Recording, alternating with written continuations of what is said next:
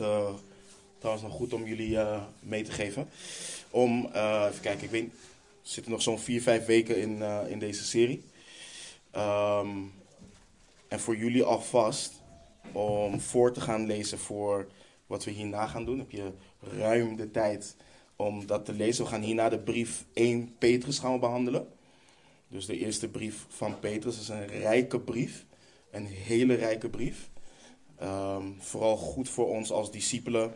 Hoe wandelen wij nou hier um, als christenen in de wereld? Hoe wandelen we te midden van verdrukking en al die dingen? Dus begin alvast de komende tijd uh, te mediteren op 1 Petrus. Het, uh, ik, ik, ik, geloof dat de Heer ons uh, enorm hierdoor zal, gaan, zal gaan zegenen. Laten we bidden en vervolgens het woord induiken. Vader, dank u wel dat we zo mochten zingen, Heer, over uw genade. Heer, over de genade die zo groot is, Heer.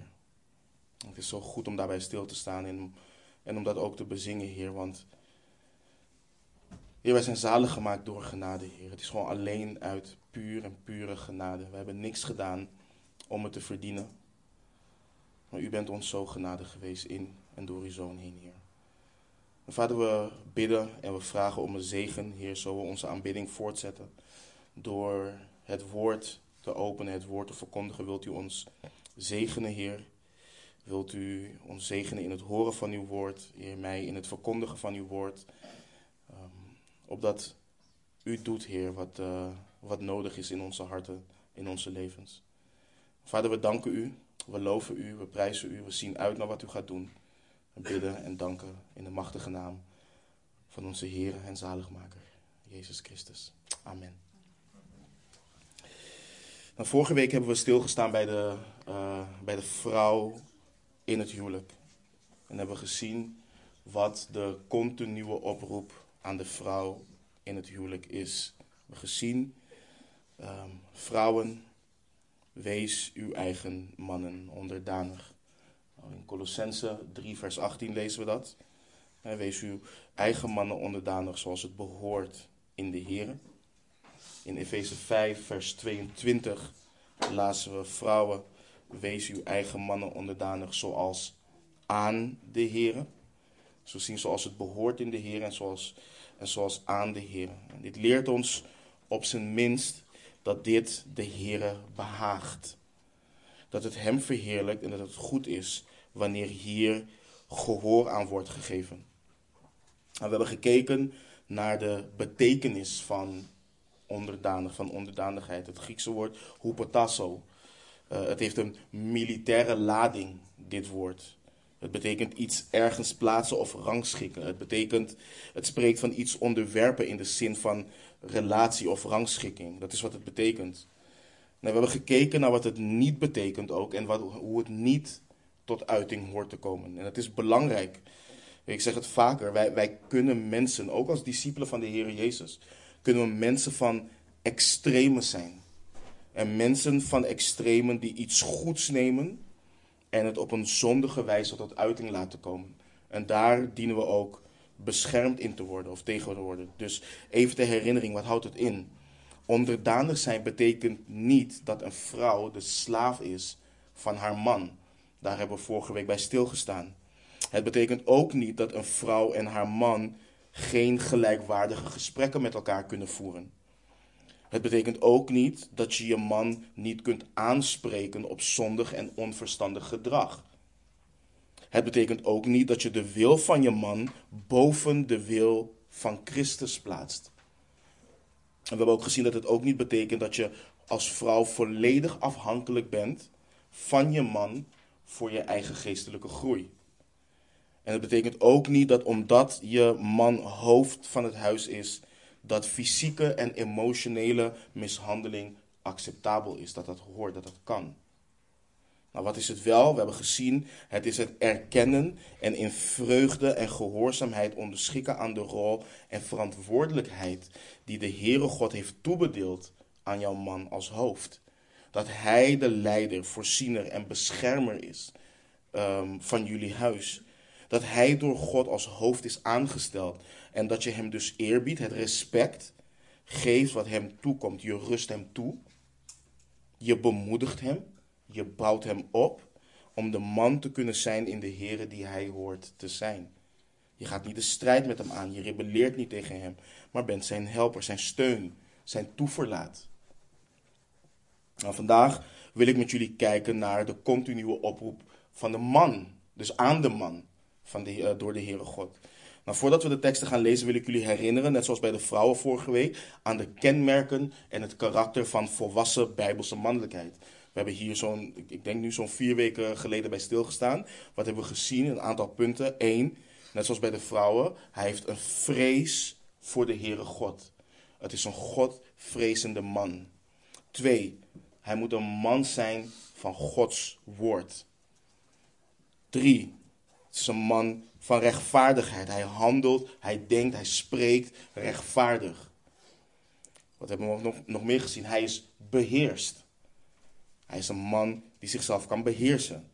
We hebben ook gezien dat het een man is die afkeer heeft van winstbejag. Hij is niet materialistisch. Hij is niet wereldsgezind. Gezind. Hij heeft een afkeer van winstbejag. Wat hebben we nog meer gezien? Um, hij kan zichzelf beheersen op het gebied van seksualiteit en relaties. Dat hebben we ook gezien. We hebben uh, nummer 7 gezien. Hij is betrouwbaar. Betrouwbaarheid kenmerkt volwassen bijbelse mannelijkheid. Wat nog meer? Hij is niet strijd- en vechtlustig. Hij is wijs en verstandig. En tien, hij neemt zijn verantwoordelijkheid om leiding te nemen. Zijn rol op te nemen. Broeders, dit jagen we na. Getrouwd, ongetrouwd. Dit is wat we najagen.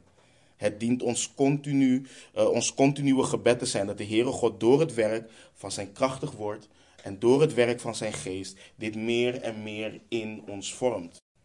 Maar dit is niet alles. Er is een specifieke oproep aan mannen, aan getrouwde mannen in het woord van God. Laten we de teksten lezen, zoals vorige week hebben we ook een aantal teksten gelezen.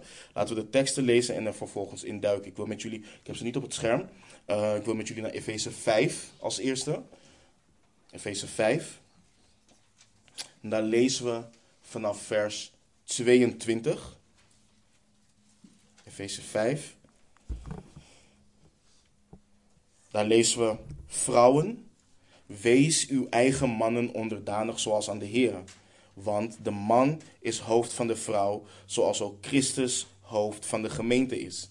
En hij is de behouder van het lichaam.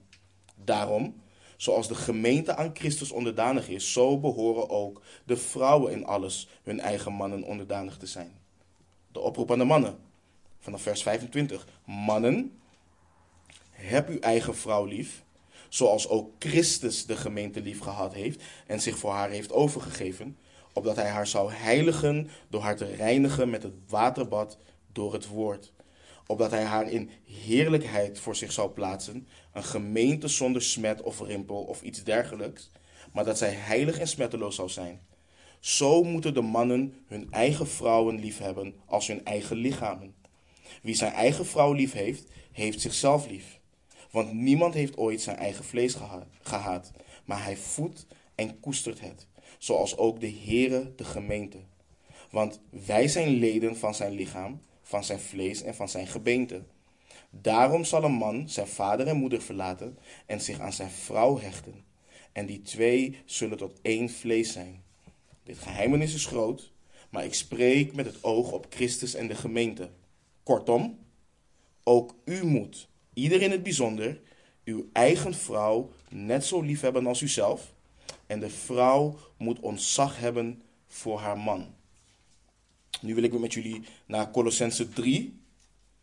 En daar lezen we vers 19. Colossense 3, vers 19. Paulus schrijft daar onder leiding van de Heilige Geest: Mannen, heb uw vrouw lief en wees niet verbitterd tegen haar. Mannen, heb uw vrouw lief en wees niet verbitterd tegen haar. Dan wil ik jullie vragen om verder te gaan naar 1 Petrus 3. 1 Petrus 3. Dan lezen we vers 7. 1 Petrus 3, vers 7. Evenzo, mannen, woon met begrip met haar samen. Geef de vrouw als de zwakkere haar eer. U bent immers ook mede-erfgenamen met haar van de genade van het leven, opdat uw gebeden niet verhinderd worden.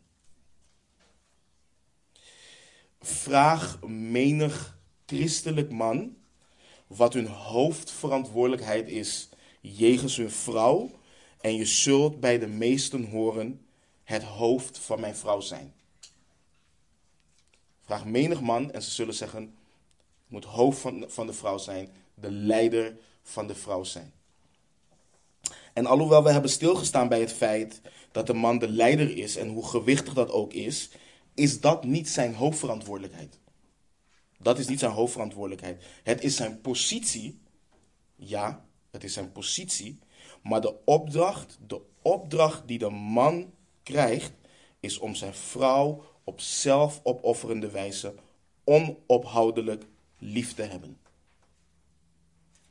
Dat is de verantwoordelijkheid, dat is het gebod, dat is de aansporing, dat is de oproep aan de getrouwde man. De man moet zijn vrouw lief hebben. Er is een verschil in het feit dat je positie is. Je bent hoofd van het gezin. Dat is wat God je heeft gemaakt. Of je die rol nou opneemt of niet, of je het waardig vervult of niet, je bent hoofd van het gezin als man. Maar dat is niet je oproep, dat is je positie. Je oproep, je verantwoordelijkheid, je taak is: heb je vrouw lief. Dat is wat mannen moeten doen. En begrijp me niet verkeerd. We hebben vorige week gezien hoe de vrouw, uh, uh, hoe de vrouw geleerd moet worden door de, andere, door de oudere vrouwen in Titus 2. Dat ook zij hun mannen lief moeten hebben. Maar je ziet hier dat als leider, als hoofd, is het de verantwoordelijkheid van de man om zijn vrouw lief te hebben. Het is zijn taak. Het gebod is geen hoofdschap. Het gebod is ook geen materiële voorziening. En, eh, en, en, en begrijp me niet verkeerd, Paulus schrijft aan Timotheus in 1 Timotheus 5 dat als een man niet zorgt voor zijn gezin, voor zijn huis, voor zijn familie, dat hij het geloof heeft verlogend en dat hij nog erger is dan een ongelovige. Dus begrijp me niet verkeerd. Voorzien, uh, voor, uh, voorzien is essentieel.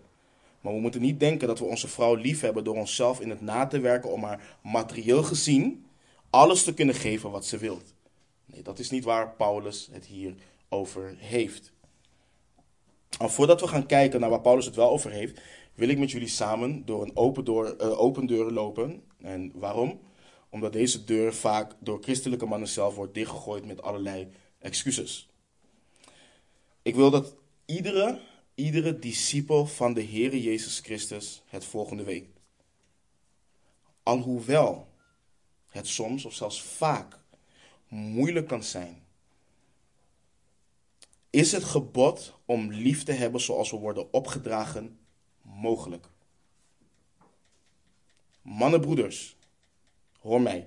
Dit waartoe wij worden opgeroepen is mogelijk. Het is mogelijk. Waarom? Omdat de Heere God altijd door het werk van zijn geest toerust in hetgeen waartoe hij ons oproept. Altijd. Waarom? Omdat de geest uitgegaan is van de vader en de zoon om de zoon te verheerlijken. En wanneer de vader wil dat wij de zoon verheerlijken, geeft hij de genade en de kracht wat nodig is om dat te doen in en door de Heilige Geest. Laat het nu, laat het nu net zo zijn dat de geboden gegeven aan zowel man als vrouw in Efeze 5 volgt op het volgende vers in Efeze 5, Efeze 5, vers 18. Wat lezen we daar?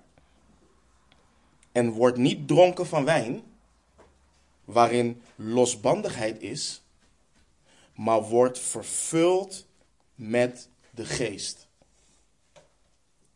En wordt niet dronken van wijn, waarin losbandigheid is, maar wordt vervuld met de geest. Alles vloeit hieruit voort. Alles vloeit hieruit voort. Als wij vervuld zijn met de geest, dan zullen wij als discipelen het hart hebben wat zegt: Ik heb jou lief. Ik heb jou lief. Ik dien jou. Ik onderschik me aan de geest. Ik gehoorzaam de wil van de Heere God om jou in alle nederigheid, in alle blijdschap, in alle dankbaarheid te dienen. Dus broeders, dit heeft te maken met het werk van de Heere God in jou en in mij. Hier heeft dit mee te maken. Als jij in en van Christus bent, dan heb jij de geest van Christus in jou. Want wie de geest van Christus niet heeft, die is niet van hem. Paulus schrijft dat heel duidelijk in Romeinen 8. Die is niet van hem. Nu is het zo dat Romeinen 5 ons het volgende leert in vers 5 van het hoofdstuk. Paulus maakt, trouwens dat hoofdstuk is prachtig, Paulus maakt zulke gewichtige claims in Romeinen en vooral in Romeinen 5. Hij schrijft in Romeinen 5 vers 5, en de hoop beschaamt niet. Omdat de liefde van God in onze harten uitgestort is door de Heilige Geest die ons gegeven is. Dus wat zegt Paulus? Hij schrijft: Iedere wedergeboren discipel heeft de liefde van God ervaren. Iedere wedergeboren discipel. Iedere wedergeboren discipel kent de bovennatuurlijke liefde van God. En dan zeggen hoe en waarom, Paulus? Omdat de liefde van God in onze harten uitgestort is door de Heilige Geest die ons gegeven is. Maar de schrift laat ons niet hier. En dat is zo prachtig. De liefde van God uitgestort in ons hart is niet alleen ik heb persoonlijk de liefde van God ervaren. Ik claim deze liefde. Ik weet dat God mij persoonlijk lief heeft en dat is het. Nee, het gaat verder. De liefde van God uitgestort in je hart drijft ook tot wederliefde. Het drijft tot wederliefde. Niet alleen jegens God. Nee, en volg me broeders en zusters, we hebben het vandaag over de mannen, maar dit geldt voor iedere discipel. De liefde van God drijft tot wederliefde. Wie zegt dat? God zelf door de hand van de apostel Johannes. Let op 1 Johannes 4, vers 8. Johannes schrijft daar: Wie niet lief heeft, kent God niet. Wie niet lief heeft, kent God niet. Want God is liefde. Nou, laten we kijken wat Johannes hier schrijft. Johannes schrijft: Als jij niet lief hebt, niet zelfopofferend, niet op onophoudelijk, niet zoekend naar het hoogste goed, voor de mannen nu, voor je vrouw, niet dienend, niet bewust de keus maakt om dit te doen, dan ken je God niet. Waarom niet, Johannes? Hoe kun je dat zeggen? Want God is liefde. God is liefde. Denk nu aan wat we lazen in Romeinen 5, vers 5. Als God zijn liefde in jouw hart heeft uitgestort, dan ken je God. En het woord kennen gebruiken we niet in de oppervlakkige zin. Daar heeft Paulus het niet over. Dit spreekt van een diepe persoonlijke relatie. Dus laat me het zo concluderen. Gods zonen hebben hun vrouwen lief en kunnen hun vrouwen op goddelijke wijze lief hebben, omdat ze zelf geliefd zijn door de God die liefde is. En nu pas ik hem breder toe. Christelijke ouders hebben hun kinderen lief en kunnen hun kinderen lief hebben op goddelijke wijze, omdat ze zelf geliefd zijn door de God die liefde is. Doe je dat niet, dan heb je een van de uh, twee volgende problemen. Je bent ongehoorzaam en dient je te bekeren, of je kent God niet en je bent niet wedergeboren. Waarom? Ga alsjeblieft naar Galaten 5. Laten we lezen vanaf vers 16, Galaten 5. Paulus leert het volgende.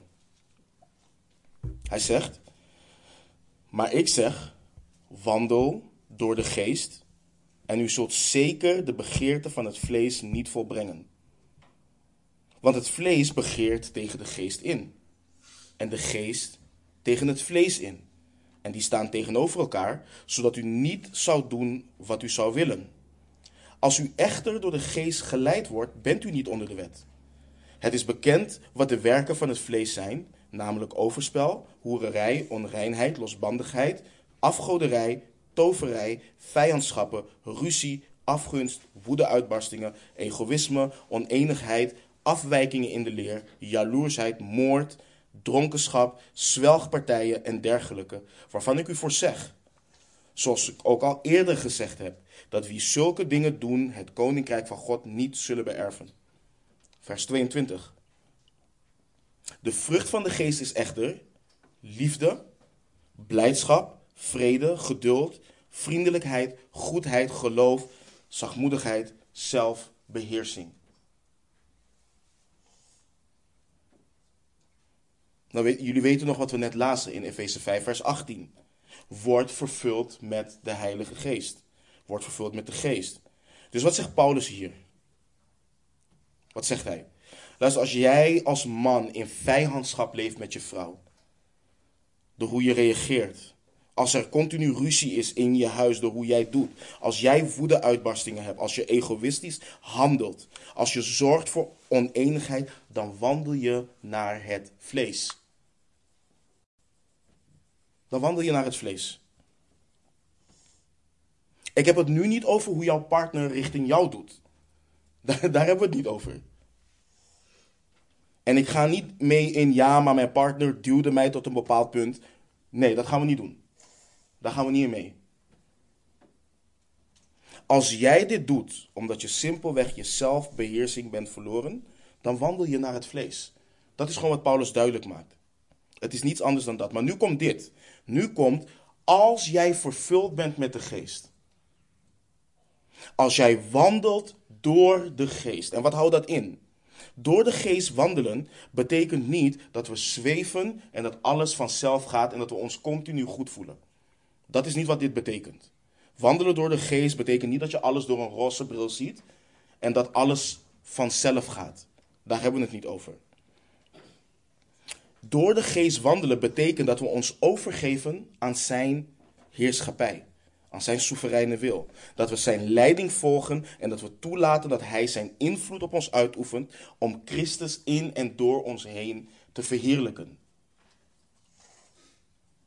dat we het woord van Christus in rijke mate in ons laten wonen. En zoals we vorige keer ook hebben behandeld, het als scheidsrechter laten, laat beslissen wat de uitkomst van iets gaat zijn in een specifieke situatie. Het is, het is dit. Je luistert naar wat God tegen jou te zeggen heeft door zijn woord. Dat is wat je doet. Je leest het woord van God. Je kent het woord van God. Je bent in een specifieke situatie en je herinnert je, wacht eens even. Een hard woord, dat werkt toorn op. Dat leren we in spreuken. Een hard woord, dat werkt toorn op. En een zacht woord, dat is wat je je actief herinnert. Dat is wandelen door de geest. Dat is wandelen door de geest. Wandelen door de geest is mijn vrouw die heeft iets gedaan wat mij niet zint. En misschien heeft ze echt iets gedaan wat niet goed is. En dan is het dit. Ik ga niet mijn vleeselijke manier van rechtvaardigheid, laat me het even noemen, uh, entertainen. Ik ga er niet in mee. Ik verlogen mezelf. Ik beheers mezelf. En ik vergeef mijn vrouw wat zij heeft gedaan. Dat is wandelen door de geest. Wandelen door de geest is niet op straat gaan, kijken of mensen hun benen ongelijk zijn om die benen recht te trekken en al dat soort dingen, wat je in die charismatische kerken ziet. Dat is niet wandelen door de geest. Wandelen door de geest is je actief onderschikken aan de wil van God. Aan de geopenbaarde wil van God. Dat is wandelen door de geest. Dus als jij vervuld bent met de geest, als je wandelt door de geest, wat gebeurt er dan? Dan zul je lief hebben. Dan zul je lief hebben. Dan zul je wandelen in zelfopofferende liefde. En deze vrucht zal zichtbaar zijn in je huwelijk. Paulus schrijft in 2 Timotheus 1, vers 7. Want God heeft ons niet gegeven een, uh, een geest van vreesachtigheid, maar van kracht en liefde en bezonnenheid.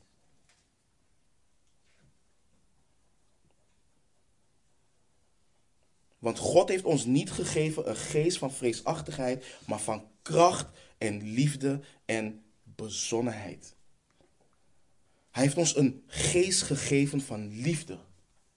Van liefde, broeders en zusters.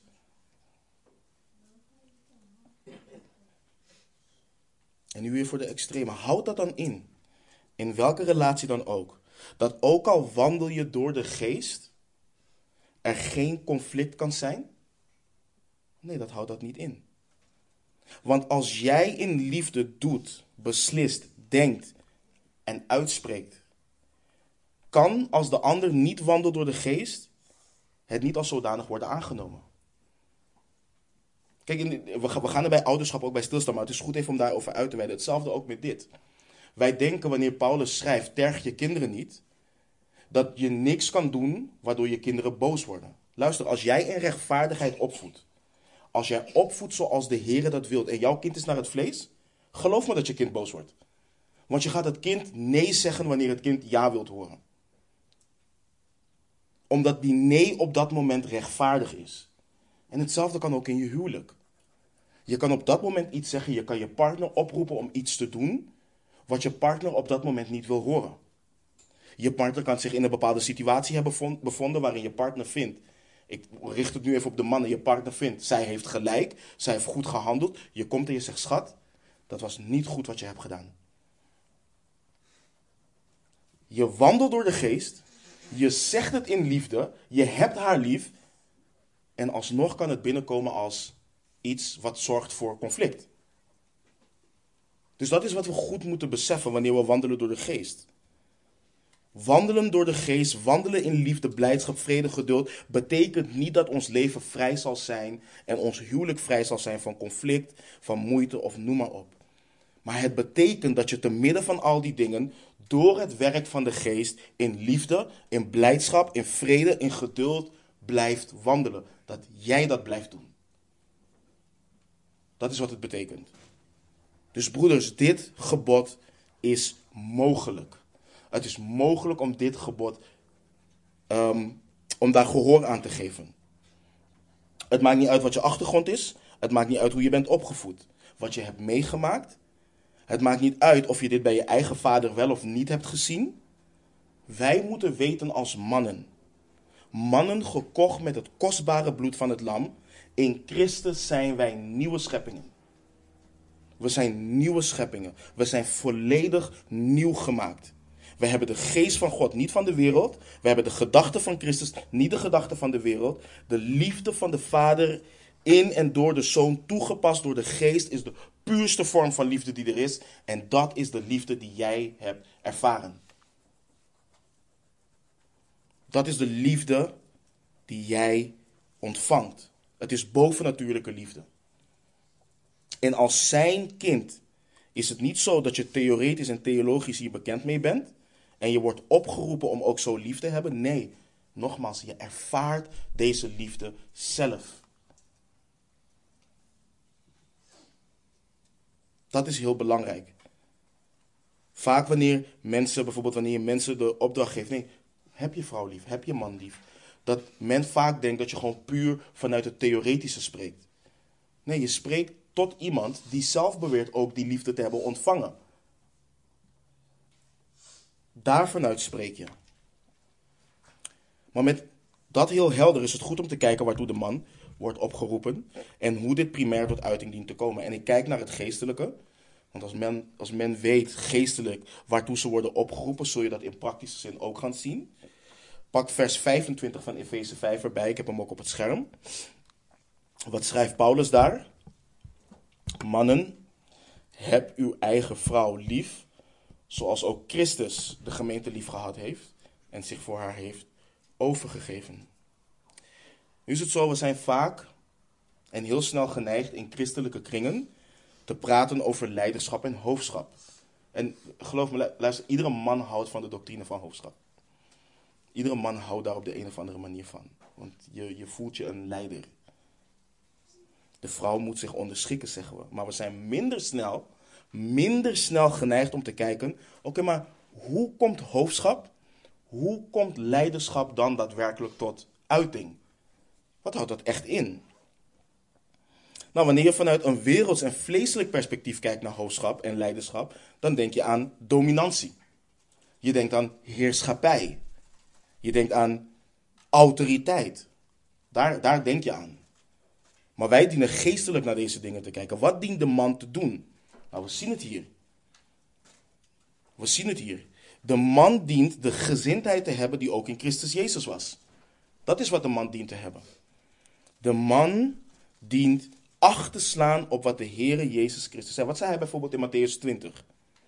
Wie onder u groot wil worden, die moet uw dienaar zijn. En wie onder u de eerste wil zijn, die moet uw dienaar zijn, zoals ook de zoon des mensen niet gekomen is om gediend te worden, maar om te dienen en zijn ziel te geven tot een losprijs voor velen. Hoofdschap is dienend leiderschap. Dat is hoofdschap. Hoofdschap is geen autoritair leiderschap. Het is dienend leiderschap. Het zijn twee totaal verschillende dingen. Mannenbroeders, dit is de vraag die je continu dient te stellen. Deze vraag dient je te drijven tot het zoeken van Gods wil in woord en in gebed. Hoe kan ik, en dit is niet theoretisch, dit is echt, hier moet je actief mee aan de slag. Hoe kan ik mijn vrouw dienen op een manier wat haar opbouwt, wat haar bemoedigt, wat haar toerust en tegelijkertijd mijn zaligmaker verheerlijkt? Dat is de vraag die je voor ogen moet hebben. Hoe kan ik mijn vrouw dienen op een manier wat haar opbouwt, haar bemoedigt, haar toerust en tegelijkertijd mijn zaligmaker verheerlijkt? Dit is het, broeders. Dit is het. Kijk je naar jouw hoofd, kijk je naar Christus, dan is dat de vraag die je dient te stellen. En dan komt het neer op wat zijn de noden van mijn vrouw? Wat zijn haar geestelijke noden? Wat zijn praktisch gezien haar noden? En hoe dien ik vanuit het geestelijk praktisch te handelen en voorzien in haar noden? En hoe doe je dat? Mannenbroeders, praat met je vrouw. Praat met je vrouw. Maar niet alleen dat. Luister naar je vrouw. Luister naar je vrouw. En als je hier goed bij stilstaat, dan zie je dat het je wat gaat kosten. Het gaat je tijd kosten, het gaat je inspanning kosten, het gaat vereisen dat je jezelf verlogen en doet wat het nodig is, ook al komt het volgens jou niet uit op dat moment. Een man kan niet de volgende houding hebben. Nu niet, schat. Ik kan jouw problemen, jouw zorgen er nu echt niet bij hebben. Ik heb een drukke dag achter de rug op kantoor. Ik werd vervolgens nog opgebeld door die om te horen dat X, Y, Z aan de hand is. Ik heb nu echt even tijd voor mezelf nodig. Ik kan die van jou er echt even niet bij hebben. Broeders, als deze gedachte heerst. Zoals het bij, zoals het bij veel mannen heerst. Weet je, wij denken dit, hè? Mijn vrouw kent me, ze moet gewoon begrip tonen en genoegen nemen met het kleine beetje wat er over is aan het einde van de dag. Als dat heerst, mannen, bekeer je. Bekeer je. Ik verzoek je, ik roep je op, bekeer je. Want kijk je naar Christus, hoe hij zijn liefde heeft getoond, dan geef je je eigen comfort op om jouw vrouw met blijdschap te dienen. Maar hoe vatten we dit samen? De liefde van de man voor zijn vrouw, ik blijf dat woord herhalen, moet zelfopofferend zijn en niet egocentrisch. Het hoort niet gericht te zijn op zelf. Wat nog meer? De liefde van de man voor de vrouw, dat is belangrijk, is niet doelloos. Het is niet gecentreerd rondom gevoelens, maar het is juist heel doelbewust. Dat is doelbewuste liefde. Let op vers 26 en 27. Opdat hij haar zou heiligen door haar te reinigen met het waterbad door het woord. opdat hij haar in heerlijkheid voor zich zou plaatsen, een gemeente zonder smet of rimpel of iets dergelijks, maar dat zij heilig en smetteloos zou zijn. Vergelijk dit met hoe er vleeselijk en werelds wordt gekeken naar liefde. Je wordt verliefd, je kunt er niets aan doen en je ziet wel waar het heen gaat. Je ziet gewoon waar het heen gaat. Je kijkt gewoon. Je ziet wel waar het op uitkomt. Als er iets moois uitkomt, mooi meegenomen. Als er niets uitkomt, jammer op naar de volgende. De wereld zegt: als je er moeite voor moet doen, dan is het geen echte liefde. Dat is wat de wereld zegt. Als je er moeite voor moet doen, dan is het geen echte liefde. Echte liefde is spontaan. Het gebeurt gewoon. Cupido stond op een hoek. Hij zag je. Je vrouw, je toekomstige vrouw liep langs. Pijl, je bent verliefd. Dat is wat de wereld ons leert. Dat is wat de wereld ons leert. De schrift leert wat anders. De schrift leert dat bijbelse liefde doelbewust is. Het is een keuze. Er komt inspanning bij kijken en die inspanning is doelbewust. De Heer Jezus kwam niet doelloos hier naar aarde. Hij heeft zichzelf bewust gegeven voor de gemeente. Hij heeft het niet gevoeld, hij heeft niet gekeken waar gaat dit heen. Nee, God heeft ons, heeft jou en mij voor de grondlegging van de wereld uitverkoren. Hij heeft ons uitverkoren. Christus is gekomen om de wil van de Vader te doen. En als je nu naar vers 26 en 27 kijkt en ziet wat Christus voor de gemeente heeft gedaan en met welk doel, dan zie je voor ons als man een hele belangrijke bediening, een hele belangrijke manier waarop we onze vrouwen dienen lief te hebben. Ik zei al eerder, ik kijk hier geestelijk naar, de praktische uitwerking vloeit hieruit voort. Mannen, je hebt het voorrecht, en ik noem het echt bewust een voorrecht, je hebt het voorrecht, maar ook de verantwoordelijkheid om jouw vrouw, om jouw liefde kenbaar te maken door de woorden van God te spreken tot jouw vrouw. Het is een voorrecht, het is ook een verantwoordelijkheid. Door haar de wil van God kenbaar te maken. Door een vat te zijn voor God die eervol gebruikt wordt om zijn vrouw te heiligen met het woord van God. De man dient zijn vrouw te bemoedigen met het woord van God. De man dient zijn vrouw aan te sporen met het woord van God. Hij dient zijn vrouw te vermanen met het woord van God. Hij dient zijn vrouw terecht te wijzen met het woord van God.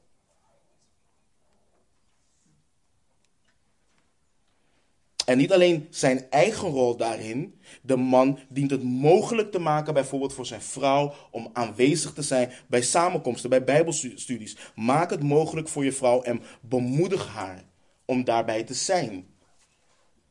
Maak Gods woord een prioriteit in jullie huwelijk. In jullie gesprekken. En dan, en dan is het niet dat je zomaar naar beneden komt en denkt: hé hey schat, wat denk jij dat uitverkoren theologisch betekent in het Grieks en al dat soort dingen. Daar hebben we het niet over.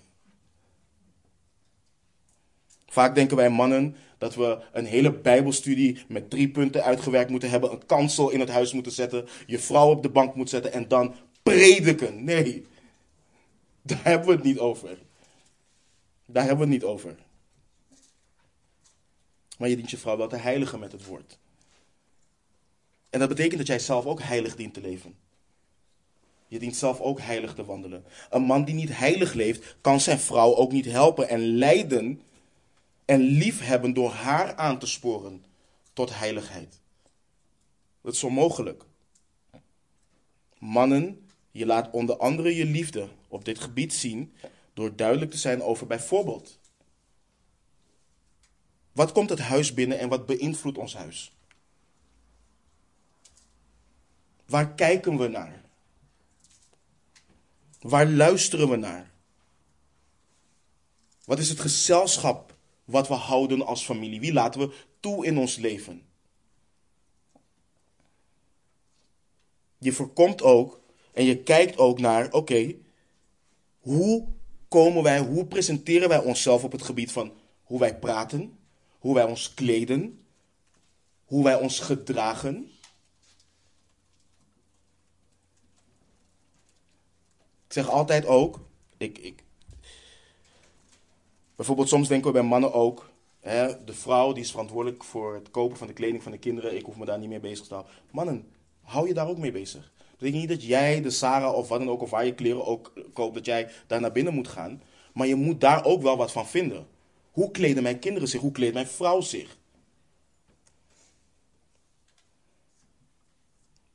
Mannen, je, je hoort na te denken over, oké, hoe brengen we onze vrije tijd door? Hoe betrokken is ons gezin bij de lokale gemeente? Al die dingen.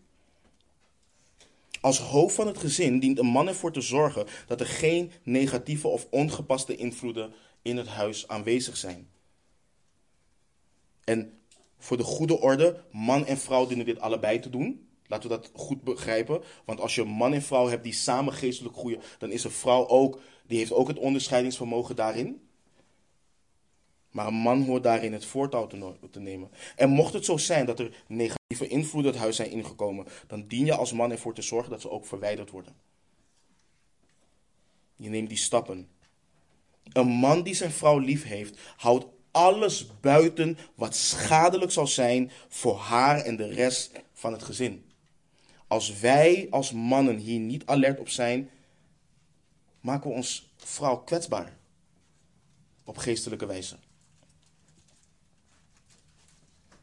Kijk hoe Christus, en dit is zo prachtig, kijk hoe Christus ervoor zorgt dat zijn gemeente in heiligheid kan wandelen.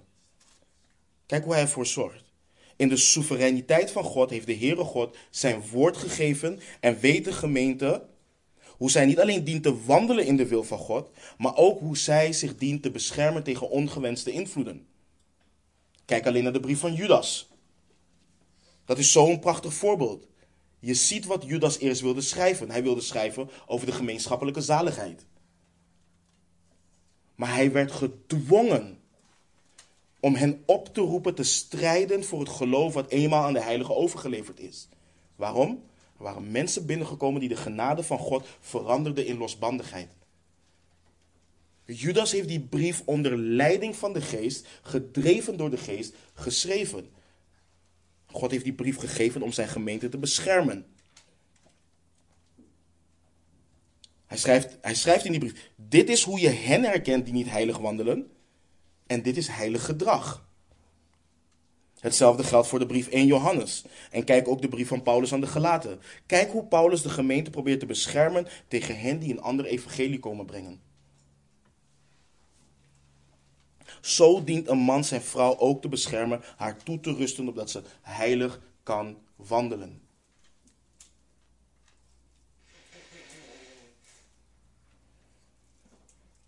Kijk, je, je, je, bent, je bent geen dictator. Laten we dat vooropstellen, dat hebben we ook vaker bij stilgestaan. Maar stel je vrouw heeft een, laten we noemen, een vriendin, iemand die beleidt een zusterstem. Maar je ziet, die vrouw is losbandig, die vrouw is opstandig, die vrouw is, eh, die rebelleert dan ga je in gesprek. Is dit wel iemand die invloed zou moeten hebben op jouw vrouw? Is dit verstandig? Dat zijn de gesprekken die je gewoon met elkaar dient te hebben. Want slecht gezelschap bederft goede zeden.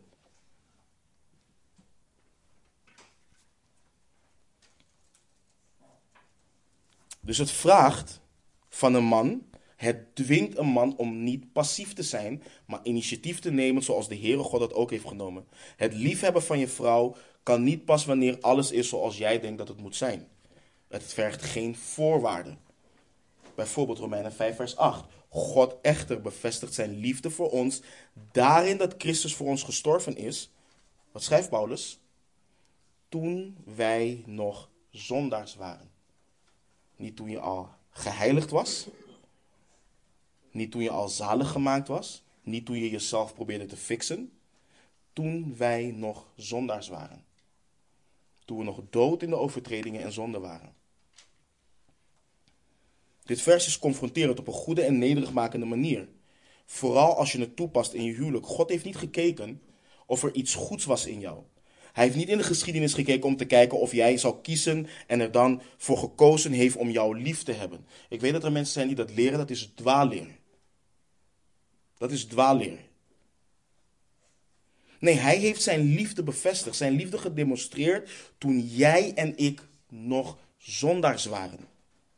Toen we rebelleerden. Toen we hem niet zochten. Toegepast op mannen. Betekent dit dat je voortdurend zelfopofferend, opofferende liefde voor je vrouw moet hebben, moet initiëren en tonen, ongeacht haar reactie? Als je denkt, nou, ik ga voor 50-50 of zelf 75-25, dat is niet genoeg. Je moet jezelf volledig aan haar geven en haar 100% liefhebben, ook wanneer zij niets teruggeeft. Ook wanneer ze niets teruggeeft. Daarom is 1 Petrus 3, vers 8 en 9 zo prachtig, wat volgt op de aansporing aan de man wat betreft zijn vrouw. Ten slotte, wees allen eensgezind, vol medeleven, heb de broeders lief, wees barmhartig en vriendelijk, vergeld geen kwaad met kwaad of laster met laster, maar zegen daarentegen, omdat u weet dat u daartoe geroepen bent, opdat u zegen zult beërven. Waar roept Petrus dus toe op, als we dit toepassen op ons huwelijk, broeders? Wees in je huwelijk barmhartig, wees vriendelijk tegen je vrouw. Als zij jou kwaad doet, vergeldt het niet met kwaad. Als zij jou laster, vergeldt het niet met laster, maar zegen haar. Zegen haar. Wacht niet op haar om haar rol en verantwoordelijkheid op te pakken. Gehoorzaam jij de Heer nu in het liefhebben van haar, ondanks haar ongehoorzaamheid. Onthoud, het is niet jouw taak om haar onderdanig te maken. Het is niet jouw taak om haar te veranderen naar de persoon die je kunt liefhebben. Het gebod aan jou als man is om haar lief te hebben. Punt uit. Dat is het gebod. En net zoals bij vrouwen ook een waarschuwing voor mannen. Je vrouw liefhebben. Je vrouw liefhebben houdt niet in dat je haar niet wijst op haar zonde. Mannen schieten vaak in het extreme wanneer ze dit doen. Kijk, wanneer je vrouw zondigt. Stel je vrouw heeft woedeproblemen, ze is respectloos. Of wat voor andere zonde waar, waar zij zich ook van moet bekeren. Dan is het niet liefdevol als man om stil te zijn en haar daar niet op te wijzen, omdat je bang bent dat het misschien nog erger wordt. Nee, het is liefdevol om haar in alle zachtmoedigheid, in alle geduld, in alle genade, alle liefde te wijzen op haar zonde en haar op te roepen tot bekering. Dat is liefde. Dat is liefde. Wanneer we de brieven aan de gemeente zien in openbaring, dan kunnen we de tendens krijgen dat de Heer Jezus puur en puur toornig was en er geen liefde zat in zijn vermaning. Het tegenovergestelde is waar. Hij liet de gemeente niet voor wat het was. Hij confronteerde de gemeente juist met wat hij tegen hen had en riep ze op tot bekering. Let op het volgende vers, wat hij zegt in Openbaring 3, vers 9. Ieder die ik lief heb, Ieder die ik lief heb, wijs ik terecht en bestraf ik. Wees dan ijverig en bekeer u.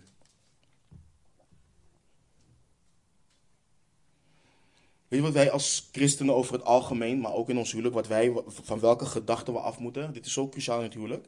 Wij moeten af van de gedachte dat iemand confronteren gelijk iets negatiefs is. We moeten af van die gedachte. Dit is wat huwelijken kapot maakt. We moeten af van de gedachte dat wanneer we elkaar ergens op aanspreken, dat we wakker zijn geworden met de gedachte om elkaar vandaag eens lekker de grond in te stampen. En broeders, dit vergt van ons ook dat we niet gefrustreerd en onze vrouwen niet verbitterd ergens op aanspreken. Het is nu de honderdste keer dat je dit doet. Hoe vaak moet ik je dit nog zeggen?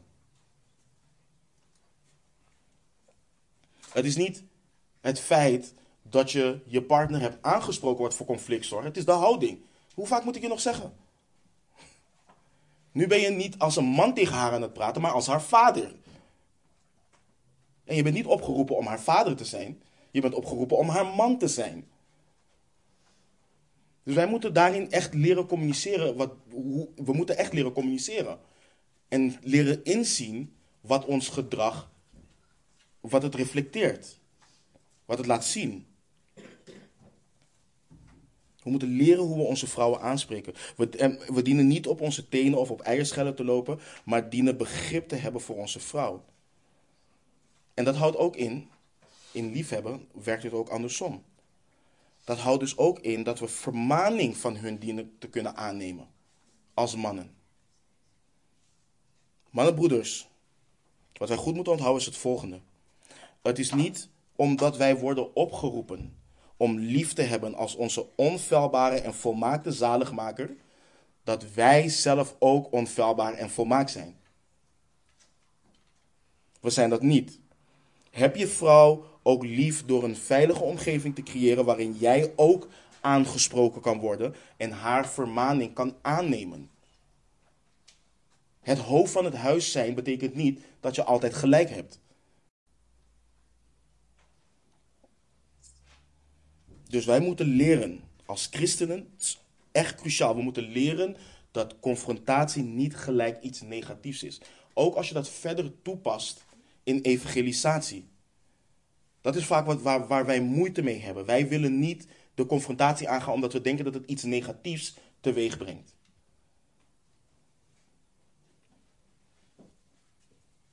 Dat maakt huwelijken kapot. Woon met begrip met je vrouw samen. Ken haar, luister naar haar. Weet hoe ze is, leer wat ze fijn vindt en wat niet. Ook in communicatie. Denk niet, ja, ze moet gewoon dealen met hoe ik ben. Ze moet gewoon dealen met hoe ik praat. Ze weet dat ik van haar hou, dus ik hoef me niet druk te maken over hoe ik mijn boodschap overbreng. Nee, broeders. Laat het niet zo zijn. Woon met begrip met haar samen. Laat je vrouw weten dat je ziet en erkent dat ze bijvoorbeeld niet simpelweg de, de moeder van je kinderen is. Dat je haar waardeert.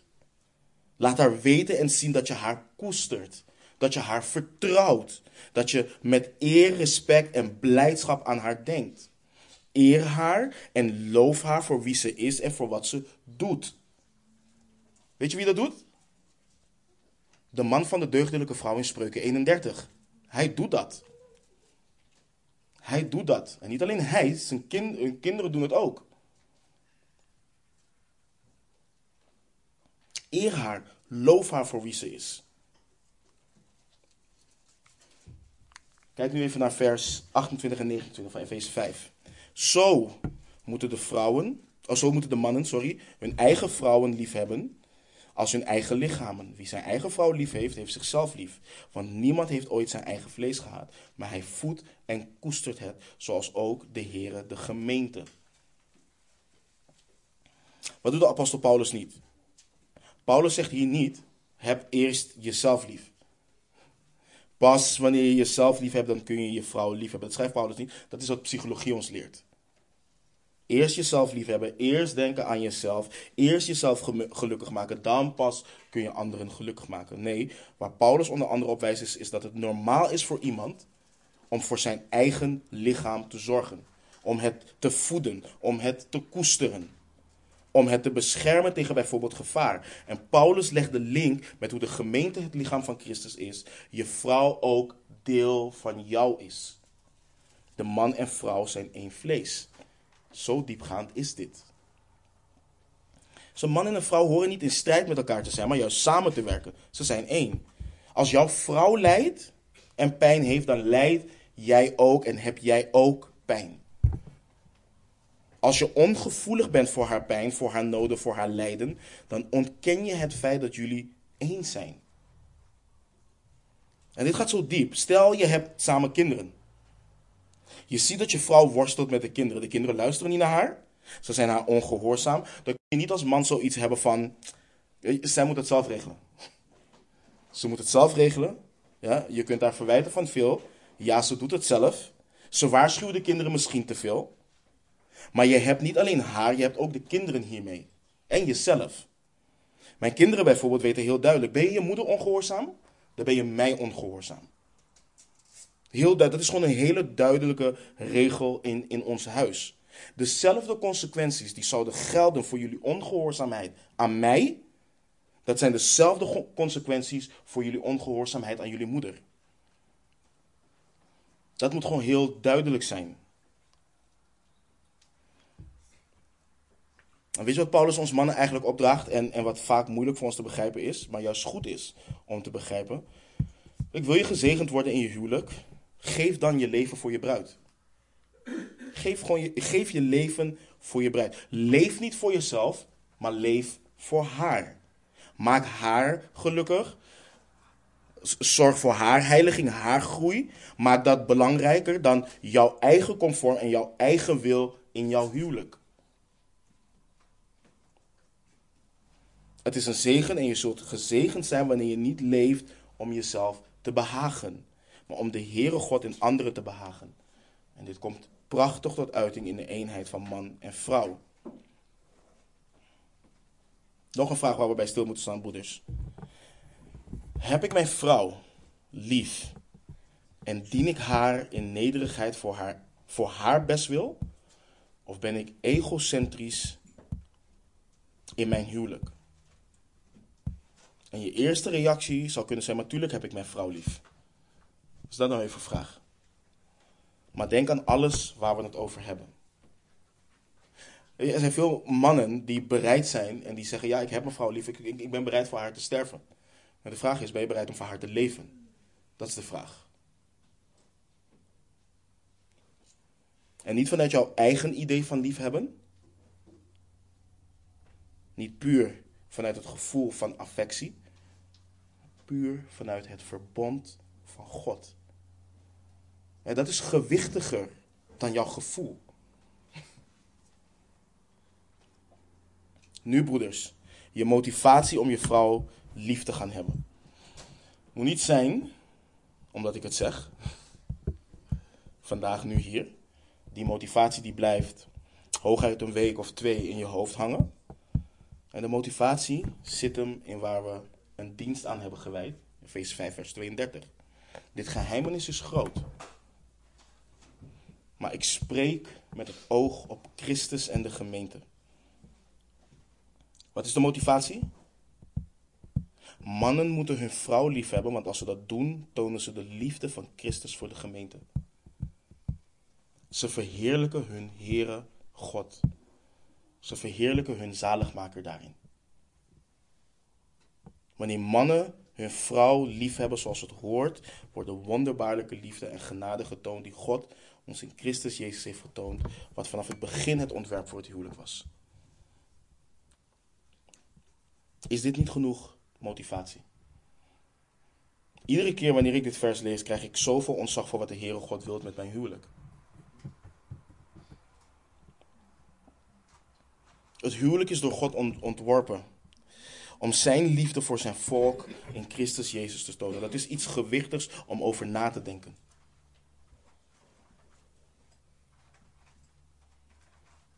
Want het betekent niet dat het huwelijk, en dit is zo mooi, het betekent niet dat het huwelijk niet simpelweg in de eerste plaats draait om het geluk van de twee die getrouwd zijn. En, en, en het kijkt niet alleen naar het welzijn van het gezin of de samenleving, nee. Het draait om de eer van God. Het draait om Gods eer.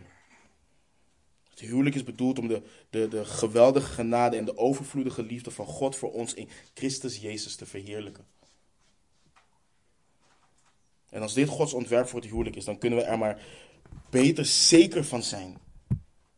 Als mannen dat we Gods doel hierin vervullen. Dat we onze rol hierin opnemen. Mannenbroeders, ik hoop echt dat je de gewichtigheid voelt van de roeping van God die op ons rust om ons vrouw lief te hebben zoals Christus de gemeente heeft liefgehad. Het is een geweldige, het is een prachtige verantwoordelijkheid. Het is een voorrecht. Het is een voorrecht. Waar ook veel zegeningen aan verbonden zijn. En mogen het ons diep verlangen geven om deze oproep te vervullen. En om onze God eer te geven door het zelfopofferende en onophoudelijke, onvoorwaardelijke liefde die Christus heeft getoond voor zijn gemeente. En ik wil met het volgende afsluiten. Broeders, blijf je alsjeblieft, alsjeblieft richten op het wonder van het kruis. Blijf je richten op het wonder van het kruis. Blijf erop mediteren. Dit wat Paulus hier schrijft, wat Petrus schrijft, dit, dit zijn geen zelfhulptips. Dat is niet wat dit is. Dit zijn geen zelfhulptips. Hij heeft geen werelds advies over hoe je een gelukkig huwelijk kunt hebben. Al zijn aansporingen, al zijn instructies, alles waartoe hij uh, oproept, alles is diep geworteld. Diep geworteld in de theologie, de schoonheid, de glorie van het kruis. Waar de zondeloze zoon van God zichzelf offerde. Om zijn bruid vrij te kopen. Dat is waar dit in geworteld is. Wanneer we dit helder voor ogen hebben en houden, broeders, dan kunnen we lief hebben zoals we horen lief te hebben.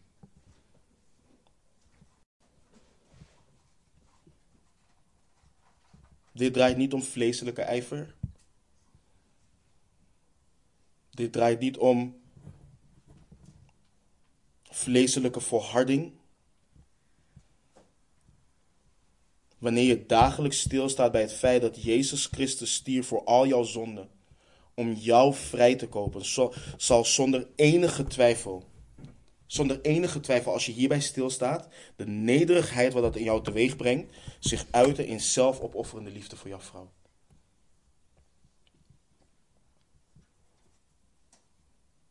Neem dus de tijd, mediteer hier dagelijks op, om na te denken over de glorieuze genade die aan jou werd getoond. En als laatste, broeders, wees praktisch en wees specifiek. Dit is niet iets wat maar in het midden blijft hangen, in het midden blijft zweven. Het kan zo simpel zijn, zo simpel zijn, als je vrouw gewoon vraagt, schat, hoe was je dag en luister naar haar. Het kan zo simpel zijn. Het kan zo simpel zijn als gewoon jouw steentje ook bijdragen in het huishouden. Ook al heb je de hele dag gewerkt.